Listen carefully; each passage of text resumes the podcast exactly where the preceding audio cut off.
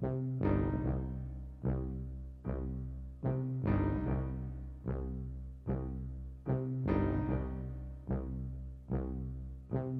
lockdown wordt steeds verder versoepeld en hier en daar lijkt de wereld weer een beetje op die van vroeger. Maar wordt alles echt alweer zo gewoon als voor de quarantaine?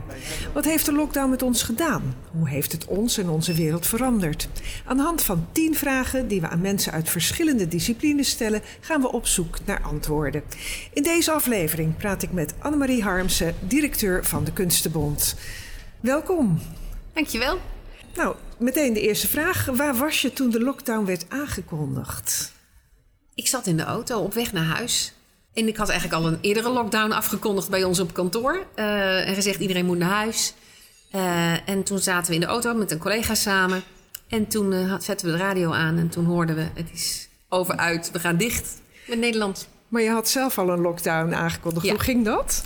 Nou, ik, ik zat op kantoor en uh, ik zag de mensen om me heen. En ik, we hadden natuurlijk al een paar dagen, uh, zagen we het oplopen. En ik dacht, wij kunnen heel goed thuis werken. Uh, ik vond het heel belangrijk dat iedereen rechtop bleef staan. Want ik vermoedde al dat het gewoon een drama zou worden voor de sector. En een paar mensen waren aan het snufferen. Ik denk, we moeten naar huis. Dit is gewoon onverstandig. Ja, als je thuis kan werken, laten we, dat, laten we dan gewoon even voorzichtig zijn. Wat goed, dus je was eigenlijk al voor de aankondiging... had jij die beslissing al ja. genomen? ja. Ja. ja. En hoe verliep jouw ophokplicht? Je hebt waarschijnlijk gewoon doorgewerkt dan. Heel hard doorgewerkt. Gekkenhuis. Ja, hoe verliep dat? Nou ja, ik, wat ik. Wat ik uh, het, het waren de drie maanden, of de twee maanden, of de zes weken, ik weet niet eens meer, moet je nagaan hoe lang die lockdown is geweest. Die gingen als een malle voorbij, omdat ik eigenlijk alleen maar samen met het team gewoon heel erg hard gewerkt heb. Ja. Dus van s ochtends vroeg tot s avonds laat waren we bezig. Dus die verliepen als een soort van roes, omdat we aan het werk waren. ja, zo was het eigenlijk. Het, Ja. is, het is, ja. En, uh, dus ik had privé ook allerlei mensen die zeiden... nou, soms dan loop ik uh, tegen de muur op en ik weet niet wat ik moet doen. Dan dacht ik, oh, dat lijkt me zo'n heerlijk gevoel. Dat wil nou, ik ook wel even. Ja, inderdaad. kan ik me voorstellen. Zat er niet in. Nee, Was ook goed, nee, hoor. Geen, geen rust voor jou in ieder Nee. geval. Nee. Ja, wat, wat miste je toen je daar thuis zat te werken? Heb je dingen gemist? Nou, wat je, kijk, wat je mist uh, is. Uh, als ik kijk naar mijn werk, dan mis je wel de collegiale klets, zeg maar. En dat kan zijn om, om de waspoeiers, bij wijze van spreken. Ja. Maar dat kan ook zijn dat je gewoon even naar een hoek van een bureau uh, loopt en zegt: joh, ik kijk hier zo tegenaan en hoe zit jij daar nou in? En dat is iets wat minder spontaan gaat. Uh, we, hebben, we kunnen uitstekend functioneren met Zoom, met de telefoon met uh, telefonische uh, calls. Maar het is, het is uh, toch voor met name even sparren nou, best wel moeilijk. Dus we Ja. hebben daar nu ook wel wat meer afspraken in gemaakt. Dat we langzamerhand gewoon wel eh, soms op kantoor zijn. En dat dat wat makkelijker maakt. Ja, dat is denk ik wel ja, een beetje ja gewoon de kleine gesprekjes met Ja. de printer en de koffieautomaat. Ja, en soms Ja. gaat het om niks. Hè, en dat is ook belangrijk. Of, of gewoon ook even dat ik mijn collega's zie en kijk eh, in hun ogen. En van, goh, ben je er nog, sta je er nog goed bij? Ja, Hè, dus we hebben wel heel veel gezoomd iedere week. Even het hele team bij elkaar. En eh, ook wel natuurlijk mensen individueel gesproken en gebeld. Maar dat is toch anders, vind ik, dan dat ik even iemand live zie en denk... oh, die loopt er lekker bij. Of, ja, die loopt over. Of is het te druk? Of, ja. Ja. Eh, en wat miste je nou niet? De file. Och, wat goddelijk. ik kom eh, iedere dag uit eh, Den Haag. En ik ging iedere dag, stond ik om half zes op. En om kwart over zes zat ik in de auto. En dan was ik rond zeven uur, kwart over zeven op kantoor. Want als ik een half uur later wegging, dan deed ik er twee uur over. En nu kom ik twee dagen in de week op kantoor. Nou, het is heel rustig op de weg voor de zomerperiode. Ja. En nu natuurlijk ook nog eens vanwege de vakantie. En ik hoop heel erg dat dat zo blijft. Maar dat heb ik niet gemist. Nee, dat kan ik me voorstellen, Nee, inderdaad. Heel Ja. functioneel dit. Ja. Wat heb je allemaal niet kunnen doen tijdens de quarantaine? Zijn er ook dingen die je hebt moeten laten liggen? Eh, op mijn werk absoluut niet. Eh, en privé wel. Het is heel raar. Onze kinderen zijn maar groot. eh, hebben een eigen woning. We, he- we, we hebben één... eh, onze oudste zoon en schoondochter hebben een heel vroeg geboren kindje met allerlei problemen. Eh, dus die hebben we wel besloten te zien eh, om ook een beetje ondersteuning te verlenen. Maar Ja. daardoor ook heel bewust besloten de anderen niet te zien. Om toch ja, daarmee Ja, de risico's te vermijden. precies, ja. Maar dat is heel gek. Wij, wij zijn een gezin die elkaar zien. En, en dat is heel raar als dat niet kan. Nou, Nee. op een gegeven moment word je daar wat soepeler in. En, eh, maar Ga je dat, dan ook zoomen met je, met je kinderen? we hebben wel met de hele club Ja. gezoomd. Ja. ja, maar ook dat is een beetje gek. Want zoomen is functioneel. En daar is het uitstekend geschikt voor. Maar ja, weet je, lullen met elkaar, dat is... Ja, nee, een zoomborrel. eh, Nee, ja. Ik nee. heb het ook wel een keer gedaan hoor, maar dat was eh, ja, Het is, niet the real thing. nee, Nee. het, is, het is niet... nee. nee. En wat heb je gedaan wat je anders nooit gedaan zou hebben? Blijft heel lang stil. Ja, het blijft, sorry, ja. nou, ik heb, me heel, ik heb me, vind ik, best heel braaf aan de regels gehouden. Ja. ik ben van nature niet zo braaf. Nee. Maar ik ben, ik, ik eh, nee, dus ik, eh, ik ben niet iemand die per definitie nou doet wat, wat haar gezegd wordt. Tenzij ik denk, ja, dit is gewoon echt even heel verstandig. Ja. Dus ik heb wel voor het eerst geleerd, ehm, ja, dat, dat, ik, dat, ik, dat, je, dat je iets opgelegd krijgt en dat je het ook echt moet doen, vind ik. Ja. Het is echt heel dom als je dat niet doet. En dat zie je nu natuurlijk ook alweer, hè, dat je wat brandhaartjes krijgt. Het is natuurlijk ook aan de orde van de dag om daar discussies over te voeren. Want de ene vindt het belachelijk en de ander niet. En ik denk, nou, weet je, als we ons er een soort van toch aan houden... dan zou het toch wel heel wat ellende Dat schelen. zou een stuk schelen, ja. Ja. ja. En eh, he- wat heeft het met je gedaan? Heeft het je ook nieuwe inzichten opgeleverd?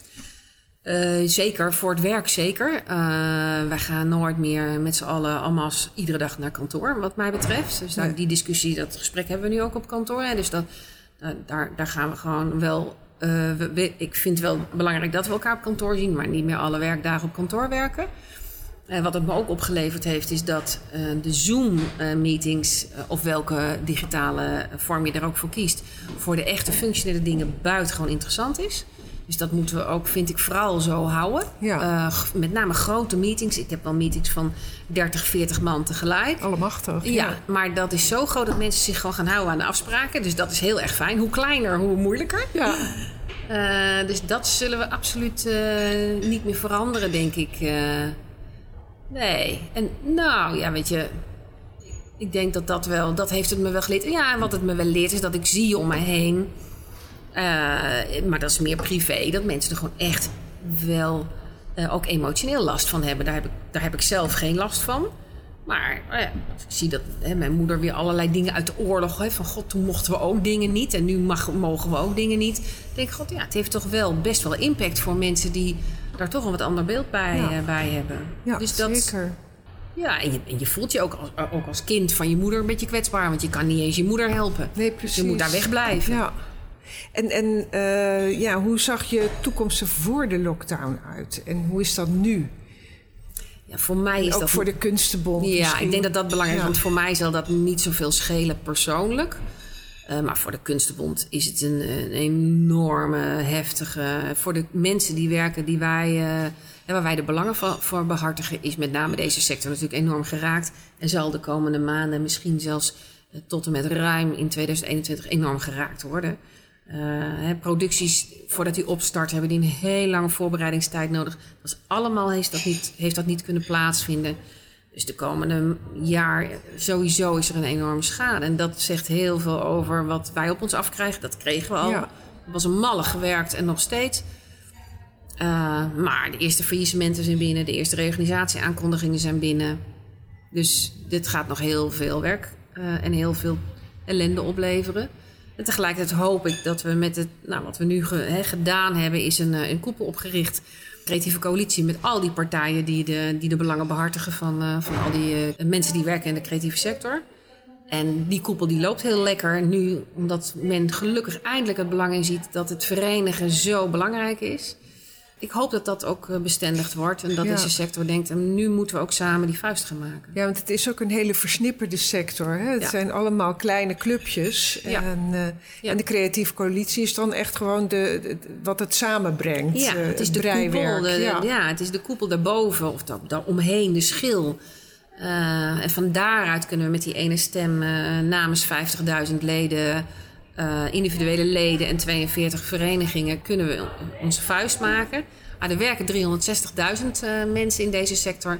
Dus we veel, moeten nog hè? wel even Ja. door naar die 360.000 leden. Ja, nou ja, ik vind 50.000 ook al heel veel. Ja. Maar ik denk dat heel veel mensen zich ook niet realiseren dat er zoveel mensen werkzaam zijn in de creatieve Klopt. sector. Die zien één of twee mensen op het toneel staan en denken dat dat, dat, dat is het. Maar dat is het niet. Nou, dat is de associatie die we natuurlijk heel vaak hebben. Maar wij zitten hier aan een tafel. Die tafel is ontworpen. Deze microfoon is ontworpen. Die lamp waar we naar kijken Ja. heeft iemand gemaakt. Eh, De, de, de we- bewegwijzering buiten is ook door iemand ontworpen. Dus ga maar Dat door. hoort er allemaal bij, inderdaad. Ja.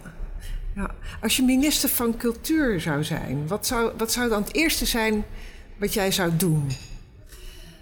Dan zou ik ehm, veel. Dan zou ik twee dingen doen. Als je in een crisissituatie zit, moet je aan crisismanagement doen. Crisismanagement is een heel ander vakgebied dan een reguliere organisatie of een reguliere Ja. land beheren. Ik moet zeggen dat eh, er een paar dat heel goed begrepen hebben. Dus eh, da- daar gaat best wel iets goed. Als ik kijk naar de culturele sector, dan is de kennis over de culturele sector ongelooflijk slecht. Mensen, hè, de minister, maar ook heel veel Kamerleden begrijpen niet hoe deze sector in elkaar zit. Dus ik zou als minister als eerste het heel goed willen begrijpen. eh, en dus ook mijn scope veel breder stellen dan alleen maar eh, de gesubsidieerde instellingen vanuit de ministeries. Want dat is maar een, een, een vlekje van de hele Ja. sector. En ik zou willen, we- willen begrijpen wat de impact is van de culturele creatieve sector in de maatschappij. Hè. Ehm, net zo groot, eh, de sector is net zo groot als de bouwsector. Eh, dus met name veel meer de cijfermatige, de feitelijkheden. Ik ben, ik, ik ben zelf een bedrijfskundige, dus met name de feitelijkheden eh, eh, die bovenaan stellen. De kunstenaars vertellen wel de emotionele kant van de dingen Ja. die ze maken. Maar laten we nou puur de zakelijke kant. puur de zakelijke Ja. feiten. Dat is wat ik zou doen. En voor nu, hè, als je kijkt naar crisismanagement, moeten de mensen echt kunnen overbruggen. En 60% van deze sector, ruim 60% is ZZP'er. De maatregelen die genomen zijn, is absoluut niet geschikt voor deze sector. Mensen kunnen nu niet meer maken. Er is ook heel veel autonome eh, kunst. Je moet een periode kunnen maken voordat het tot een echte productie leidt. Nou, mensen gaan nu, vallen nu achter elkaar om. En je vindt niet, eh, er gebeurt niet genoeg in de politiek, hè? Nu. Nee. nee. Nee, nee, nee, nee. nee. Dit, wij zijn eh, ten opzichte van andere Europese landen een land waar kunst en cultuur niet van belang is. Maar hè, ga naar Duitsland, daar heeft eh, bijna ieder redelijk zelfsprekend dorp Ja. en stad heeft een uh, fanfare of een, of een orkest. En ja, als je daar violist bent, dan ben je wat. Ja. En Maar- hier ben je structureel onderbetaald. Ja, ja ik, ik zit even te denken. Maar heeft, heb jij niet als directeur van de Kunstenbond af en toe overleg met de minister? Want eigenlijk zou dat moeten, toch? Ja, maar dat hebben we. We zitten in de taskforce. Eh, en wij in die taskforce, dat is de, de, een, een samenklontering, een groep mensen die ieder een eigen koepel vertegenwoordigt. Zowel vanuit de werkgevers, opdrachtgevers als de, de werkende of de, de, de opdrachtnemerskant. En met die taskforce praten we met de minister om te proberen duidelijk te maken wat er nodig is voor deze sector. En dat blijven we voorlopig absoluut doen. En ook dat is iets nieuws sinds de crisis. Dus de crisis is verschrikkelijk voor deze sector, maar het heeft twee mooie dingen opgeleverd. Dat is dat er in ieder geval voor de makerskant een, een creatieve coalitie is, een koepel is die nu met één vuist naar buiten komt. En zowel de, de opdrachtgevers, werkgevers als de werknemers, de, de werkenden zelf in de sector, de ZZP'ers, hebben zich samen in die taskforce gevormd. En dat is nog nooit eerder voorgekomen. Nou, dat is in ieder geval een positieve noot. Ja, ik heb altijd als laatste vraag een confronterende vraag. Oh, spannend. Hoe is het met de coronakilo's? Oh, nou, in mijn leven lang zitten er al te veel kilo's aan. Dus dat heeft niets met de Dat corona te maken. uit. Dat Nee. maakt niet uit. Nee. Nou, gelukkig Maar maar. ik heb wel begrepen dat heel veel mensen last hebben gehad van coronakilo's, ja. En nog Nee. steeds hoor. Ja. Nee, de hondingen zitten er al jaren aan en die Ja. blijven ook, ben ik bang. Nou, is toch niet erg. Nee.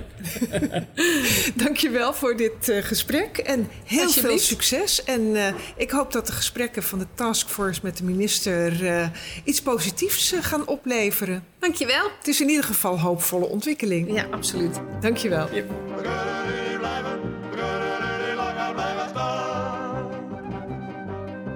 Een andere keer misschien.